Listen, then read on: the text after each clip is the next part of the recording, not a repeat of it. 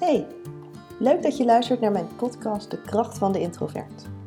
In deze podcast ga ik iedere maand in gesprek met een introvert. Deze maand heb ik gesproken met Thijs, die werkt als senior loopbaanadviseur bij een universiteit. Ik ben Thijs. Uh, ik uh, was vroeger consultant in Brussel, tegenwoordig uh, senior loopbaanadviseur bij de universiteit. Mijn ja, echte werkomschrijving laat zich beter vangen in de titel uh, beleidsadviseur Career Services. Niet zozeer loopbaanadviseur, want eigenlijk doe ik geen één op één uh, adviesgesprekken met studenten. Uh, dus nee, er moet een concept, er moet een beleidsplan worden geschreven, een strategie voor de faculteit op het gebied van loopbaanoriëntatie. En in, in die zin helpen wij studenten om het brug te slaan naar de arbeidsmarkt na hun studie. Dus we praten over stages, over professional skills, over inzicht in zichzelf, wat ze eigenlijk willen, waarden, uh, drijfveren. Uh, al dat soort dingen. Oké, jij ziet jezelf als een introvert? Jazeker, ja, ja, ja. Voor de definitie waarin wordt gezegd dat introverten zichzelf opladen als ze alleen zijn, ja, dat geldt heel erg voor mij. Ja, daar herken ik mezelf heel erg in. Zijn er nog andere aspecten die je daarin herkent? Ik heb wel een heel nadenkende stijl in, uh, in wat ik doe. Uh, een beetje beschouwende leerstijl, weet ik van mezelf. Dus ja, ik kan best wel heel erg genuanceerd praten. Um, dat valt wel op. Dat krijg ik ook vaak terug in uh, ja, sollicitatiegesprekken of soms van een collega in feedback. Dus ik zie heel veel verschillende facetten. En ik vind het echt super moeilijk om een snel, snappy line uh, te produceren. Dus nee, in die zin ben ik echt niet rap van de tong gesneden. Ja, dat is wel iets waar ik op, probeer te letten. Ja. ja, een ander ding. Ik uh, vind uh, het ook super leuk om uh, boeken te lezen, films te, te kijken. Ik leef me er helemaal in. Dus ja, ik geloof dat dat ook wel hoort bij introverten. Dat ze dat gewoon in de innerlijke belevingswereld heel erg beleven. Mm -hmm. Ja, altijd al gehad eigenlijk. En was er nou een bepaald moment waarop je dat ontdekt hebt? Van goh, misschien ben ik introvert? Nou, ik wist het altijd al. Ik kan me ook wel herinneren dat uh, toen ik echt klein jongetje was, dat uh, uh, op verjaardagsfeestjes of zo, of nou, laten we zeggen verjaardagsfeestjes van familie, dat um, ik niet zo spraakzaam was met al die grote mensen of met um, andere kinderen of zo ver weg in de familie. En dat mijn moeder dan zei, ja, hij is een beetje verlegen over mij. En uh, ja, de connotatie voor mij was, of wat ik er toen aan verbond, was dat het een beetje een disqualificatie was of zo. Een soort van, duurt gewoon iets langer, zeg maar. Dus ja, jammer, want ik heb dat wel zo meegenomen. Maar later heb ik mezelf daar uh, best wel overheen uh, geknokt, zeg maar. Of heb ik wel geleerd om makkelijk contact te maken met anderen. En nou goed, kwam nog, nog later dat ik echt doorhad van, hey wow, dit introvert zijn heeft ook voordelen, kwaliteiten die niet-introverten helemaal niet hebben. Dus uh, hier kan ik heel veel mee. Uh, het is dus niet normaal dat ik sommige dingen op die manier beleef of zo aanpak. Dus uh, ja, dat, dat, dat kwam later. En dan ook nog, heb ik nog steeds daarin heel veel aha-momenten. Wat zijn dan dat soort voordelen die je ziet daarin? Ik heb heel erg de neiging om met helikopterview te kijken of uh, naar de geschiedenis te kijken als, uh, als in een achteruitkijkspiegel. En andere mensen doen dat absoluut niet. Het is echt niet normaal. De meeste mensen leven echt vooruit en, uh, of ja, leven heel erg op intuïtie. En ja, ik, ik probeer toch wel alles te raadplegen, zeg maar. Brein, hart, buik.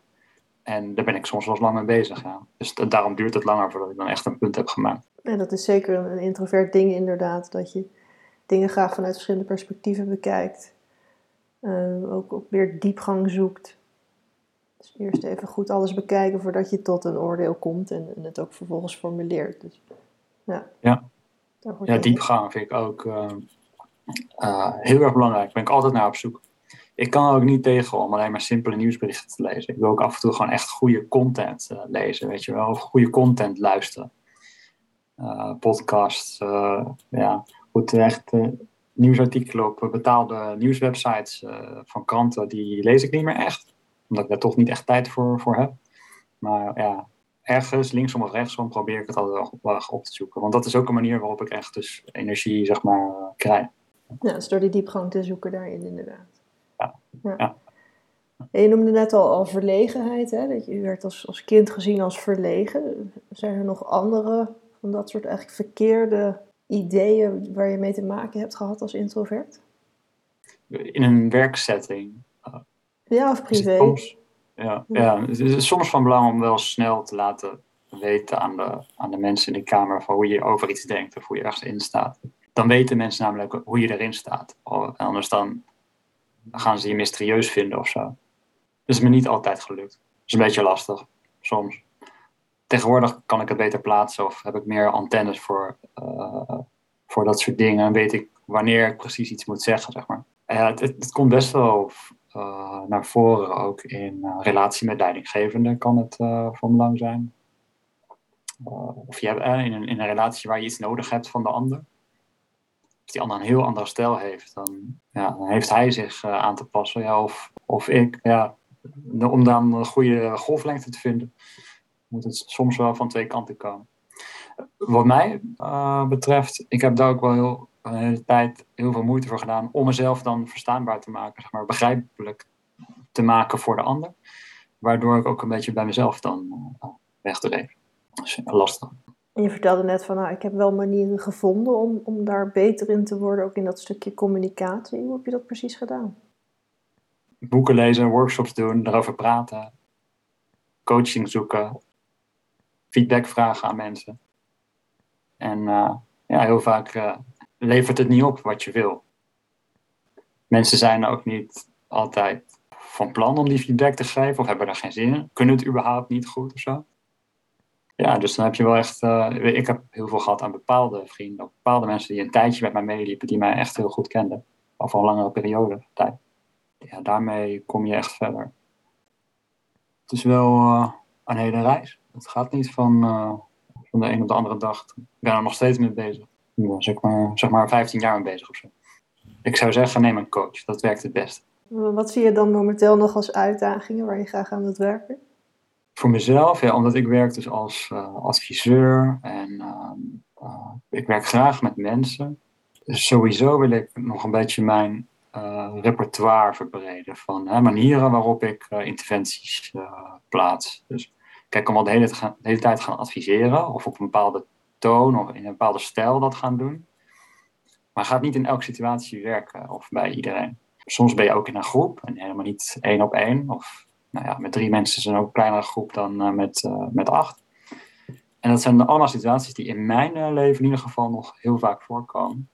en dus om effectief te zijn, moet je dan eigenlijk leren om te, de goede manier te kiezen van, van interveneren. Als je onder druk staat of als je gewoon geen goede dag hebt, gewoon echt gewoon weinig hebt geslapen of er kunnen allemaal redenen zijn, dan ja, heb je toch altijd de de neiging om terug te vallen op één stijl die het meest comfortabel is. Maar dat is niet per se de beste. Ik doe best wel veel uh, moeite om een beetje zo bij mezelf te blijven op die manier. Misschien is dat ook voor extraverten zo hoor, dat ze dat zo doen. Uh, dat zij hier zo mee bezig zijn. Dat weet ik niet eigenlijk. Ik kan het zelf niet zeggen, ik ben introvert. Maar mm -hmm. voor mij geldt dat heel erg. Ja, wat je wel ziet is dat introverten natuurlijk heel veel in hun hoofd zitten. En daardoor ook eerder de neiging hebben om heel veel aan introspectie te doen en, en ja. zelfverbetering. Ja. ja. En als je kijkt naar, naar jouw werkomgeving, maar misschien ook wel gewoon de, de privé wat heb je nodig om tot je recht te komen als introvert? Nou ja, ja het is een beetje een clichéwoord, maar uh, uh, ruimte is zo'n woord. Uh, dat kan van alles betekenen. Maar ik denk als ik een paar keer de gelegenheid heb gehad om te laten zien waar mijn meerwaarde ligt. Dat mensen wel redelijk goed weten wat, wat ze van Thijs kunnen verwachten. Ik, stel denk ik meer de gedurfde vragen of de, meer de, de, vragen die uitnodigen naar een bredere manier van kijken, uitzoomen. Dus ik schuw echt de taboes niet of de complexiteit. Ja, en, weet je, in sommige functies, je vroeg naar werksituaties, uh, is dat helemaal niet relevant. Dus weet je, bij dat soort situaties blijf ik gewoon überhaupt gewoon helemaal weg. Daar, heb ik helemaal niks te zoeken. Ik heb helemaal geen zin om mezelf dan te veel aan te passen aan, andere mensen of aan andere omgevingen. Uh, daar ben ik nu te oud voor. dus uh, ik ga ook niet tropische vis zijn in de Noordzee. Weet je, Noordzee is veel te koud en ik ga alleen maar dood in, in zo'n soort omgeving. dus ja, hoe kom je tot die selectie of hoe, hoe heb ik die gezondere plek gevonden? Ja, gewoon door ja, uitproberen, dingen doen, experimenteren en aanpassen. Ja, en zo'n rol nou ja, binnen het onderwijs, daarvan heb jij het idee van nou, dat, dat past mij als introvert. Kijk, elke narrative telt. Elk, elk verhaal van elke persoon telt.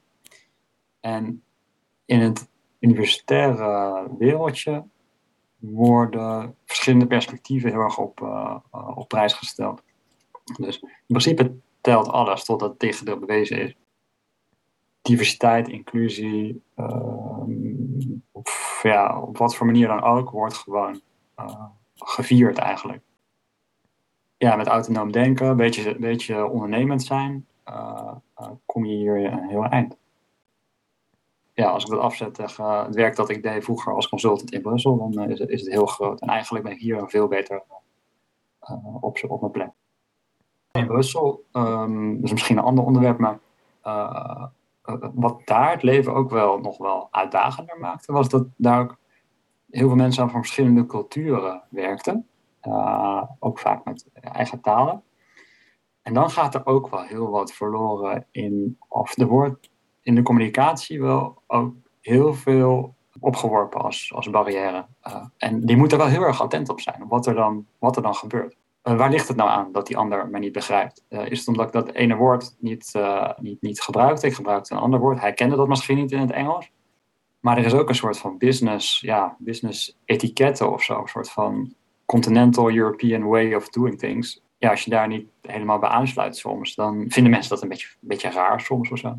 En af en toe had ik zoiets van, hé, ah, hey, ik was hier, kwam hier niet helemaal uit de verf. Waar kwam dat nou eigenlijk door? Was dat omdat ik niet de goede woorden gebruikte, omdat ik niet de goede stijl had of zo, paraverbaal misschien iets. Maar ik denk ook, uh, ik, ik weet nu van mezelf, dat ik ook soms heel erg veel moeite moest doen om uh, extravert over te komen of om besluitvaardig of besloten over te komen. En in die strekking kon ik, in die, die setting kon ik dat dan niet altijd. Ja, ook daar geldt weer, je moet heel veel goed als introvert de tijd nemen voor jezelf om weer op te laden.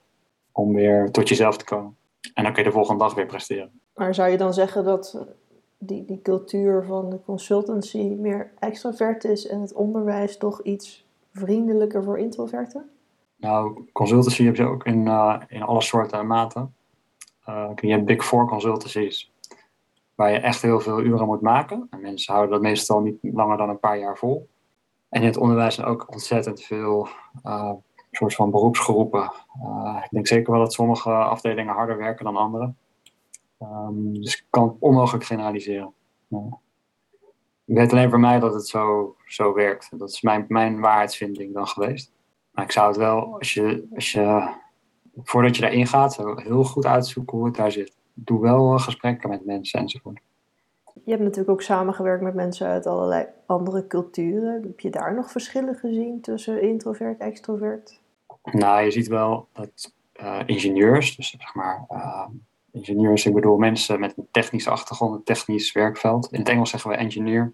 Mensen die echt weten van de techniek, uh, die een achtergrond hebben in de wiskunde enzovoort, zijn vaker echt introverte mensen. Zijn moeilijker om mee te praten. Um, maar als je dan met ze praat, dat heb ik ook gedaan, dan komen hele mooie verhalen uit. Uh, soms had, had, ik dan daar meer tijd voor nodig om dat eruit te krijgen. Dan moet ik, dan moet ik meer moeite doen om om dat verhaal ook echt eruit te krijgen. Daar kan ik ook onwijs van genieten. Ook superleuk. Soms zelfs leuker, is makkelijker met die mensen te werken dan met sommige extraverten. Uh, dus ja, heb ik echt een soort van onzichtbare band mee. Of een soort van uh, ja, binding met dat soort mensen. Want ja, die vinden het ook heel leuk om al helemaal op te gaan in hun, uh, in hun materie, in hun werkveld. En dat is een heel universum dat zich opent. En tijdens een gesprek krijg je daar een inkijkje in. Ja, superleuk. Maar dat is niet op basis van, van, van, van land, van, van nationaliteit. Ja, en ik denk ook dat, ik weet niet, ik sta me een beetje bij nu, als je zo maar vraagt. Oost-Europa, redelijk, zijn mensen redelijk beleefd, respectvol, een beetje geslotener. Maar ik ga me daar niet aan wagen verder.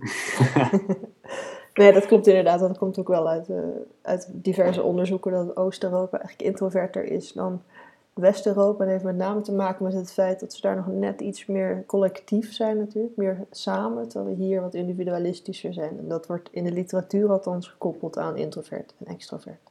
Ja, ja, ja. ja. Dus vandaar dat dat uh, op die manier. En als je kijkt naar waar je nu werkt, wordt daar ook rekening gehouden met de, de verschillende voorkeuren van mensen? Ik denk het wel. Ik denk dat het op waarde wordt geschat in de werving. Uh, dat er sowieso altijd veel uh, aanbod is op, uh, op opleiding, op blijven investeren in jezelf. Het is logisch dat in het hoger onderwijs dat daar gewoon lifelong learning ook gewoon hoog wordt ingeschat. Dus dat wordt makkelijk gemaakt, ja. In mijn werk um, ervaar ik er totaal geen probleem mee. En ik heb best wel veel tijd om gewoon mijn plan te trekken. Dus nee, ik, hoef me niet, ik, hoef, ik ren niet van de ene meeting naar de andere om uh, van alles en nog wat uh, te doen alsof ik het heb gedaan, alsof ik het al weet of zo. En dat is wat je soms moet doen in een for-profit uh, context. Ja, ik had daar dan soms moeite mee, weet je. Dat je moet doen alsof je alles weet van die business. maar eigenlijk weet je het niet altijd, want je bent maar een consultant en van de materie weet je niet alles. Dat kan gewoon niet. Nee, maar dat heb ik ook wel eens gehoord in een sollicitatiegesprek bij een consultancy die managing director die vertelde van, nou goed, als je niet weet hoe het zit uh, en je hebt de klant aan de lijn, dan doe je maar alsof je weet hoe het zit. Uh, en dan zorg je dat als je de, uh, de hebt opgehangen, dat je dan erachter komt hoe het zit. nou ja, goed, weet je, als, als ik op zo'n trant zou gaan werken, die dat zou opvolgen, dan zou ik echt heel veel zijn gaan opzoeken, denk ik. Dus ik echt mega lang bezig geweest om een beetje de vinger erachter te krijgen wat, het, wat er dan aan de hand is. Mm -hmm. Maar um, ja, nu weet ik dat ik dat anders dan zou moeten aanpakken. En hoe zit het met studenten zelf? Houden jullie daar rekening met verschillen in, uh, in karakter? Dat ligt eigenlijk aan de docent. Dat is dan eigenlijk de WP'er die het vak geeft, die het, die het onderwijs verzorgt. Die kan ervoor kiezen om um, te differentiëren hierin. Er zijn natuurlijk studenten die zijn meer theoretisch uh, uh, aangelegd, hè, willen via een theoretische manier leren, en anderen meer praktisch. Dus uh, ja, die laatste groep zeg maar de luie studenten. Of die gaan pas iets doen als een tentamen aankomt. Of die gaan juist heel erg aan op als uh, ze groepswerk moeten doen. En die leren zeg maar door uit te wisselen met studenten. En uh, ja, is iets andere manier. Ik denk dat we de laatste jaren in Nederland heel goed bezig zijn met career services. Dus de sector waarin ik werk wordt steeds meer aandacht aan gegeven. wordt steeds meer de mainstream opinie dat uh, jongeren niet alleen leren academisch te, te, denken op een universiteit, maar ook uh, professionele persoonlijke vaardigheden leer jezelf kennen.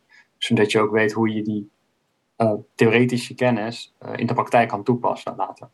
Um, dat is ook hoe ze impact gaan hebben later in de maatschappij. En daar zit hem wel heel erg, daar zit hem de crux. Dat is ook waar wij dan in tonelen verschijnen wij willen dus die studenten ook daarin helpen, uh, een beetje richting coaching gaan. Uh, om, ja, hen te helpen om die persoonlijke en professionele identiteit te gaan bouwen. En dat het liefste verweven in, een, in de hele bachelorfase. Dus dat je al eigenlijk, nou ja, misschien net na freshman year, al daarmee bezig gaat, dat je over nadenkt. Dat is de uitdaging om dat ook echt in het curriculum te krijgen, zodat het verplicht wordt voor alle studenten. Want ja, heel veel studenten zijn niet zo daarmee bezig. En die, uh, ja, die hebben het gewoon druk met heel veel andere dingen. Dus die, die zullen het niet doen tenzij uh, je ze verplicht hebt te doen. Nou ja, wel iets wat inderdaad dus steeds meer uh, ja, bijval krijgt, begrijp ik. En waar steeds meer aandacht voor is. Ja. En hoe zit dat als je in zijn algemeenheid kijkt naar het thema introversie. Nou ja, het is iets, je begint er je weg in te vinden, maar hoe zouden we daar meer ruimte voor kunnen creëren in de algemeenheid? Nou, ten eerste, er wordt al mega veel over gepubliceerd. Het wordt echt veel meer mainstream. Het is echt veel bekender geworden. Uh, de laatste tien jaar of zo. In Nederland wordt het echt ook heel goed opgepast. Ik zie veel Engelstalige auteurs, maar vervolgens in Nederland hebben ook superveel coaches en schrijvers die uh, het gedachtegoed verder uit, uh, uitbreiden. Ik zou zeggen um, dat ja, ieder, iedereen er iets mee kan. Want uh, jezelf gewoon jezelf ervoor uitspreken, gewoon het, het ook benoemen, ehm, in functioneringsgesprekken, in feedbackrondjes met je naaste collega's. Op LinkedIn erover schrijven, Facebook erover schrijven, wat dan ook. En het is wel een, iets wat nu past in de, in de tijdsgeest, denk ik. Want ja, we gaan echt door naar een heel andere manier van organiseren in de wereld, denk ik. Echt een beetje het einde van het, ja, het, nou, het hypermoderne uh, uh, economische stelsel. En naar, naar een nieuwe manier die authentieker is of meer bij onszelf ligt. En we worden dus minder de slaven van wat een soort van ideaalbeeld van een, ja, een altijd producerend homo economicus ja, daarbij hoort ook dat mensen zichzelf kunnen zijn en dus uh, de dingen doen die daarbij passen. Die passen bij die talenten, bij die natuurlijke voorsprong. Dus ik denk dat tijd mee zit. Ja, en ja, het vergt nog wel heel wat moed, denk ik, voor sommige mensen om daar echt voor uit te komen. Of, of echt ook naar binnen te kijken en te zien van, hé hey, wacht, dit is, dit is hoe het bij mij zit. Dit moet ik omarmen. Dus dat is een beetje zo'n geestkracht of zo van uh, de mensen vandaag de dag is nog heel veel om daar te winnen, denk ik, uh, mm-hmm. voor, de, voor de mensen. Je hebt daar zelf al best wat stappen in gezet. Wat zou je andere introverten die nog niet zo ver zijn, nou adviseren op dat vlak? Kijk goed om je heen. Zoek naar mentoren, naar um, voorbeeldidolen, coaches. Op internet is echt een hele zee van uh, uh, diensten, tips, uh, van alles te vinden hierover.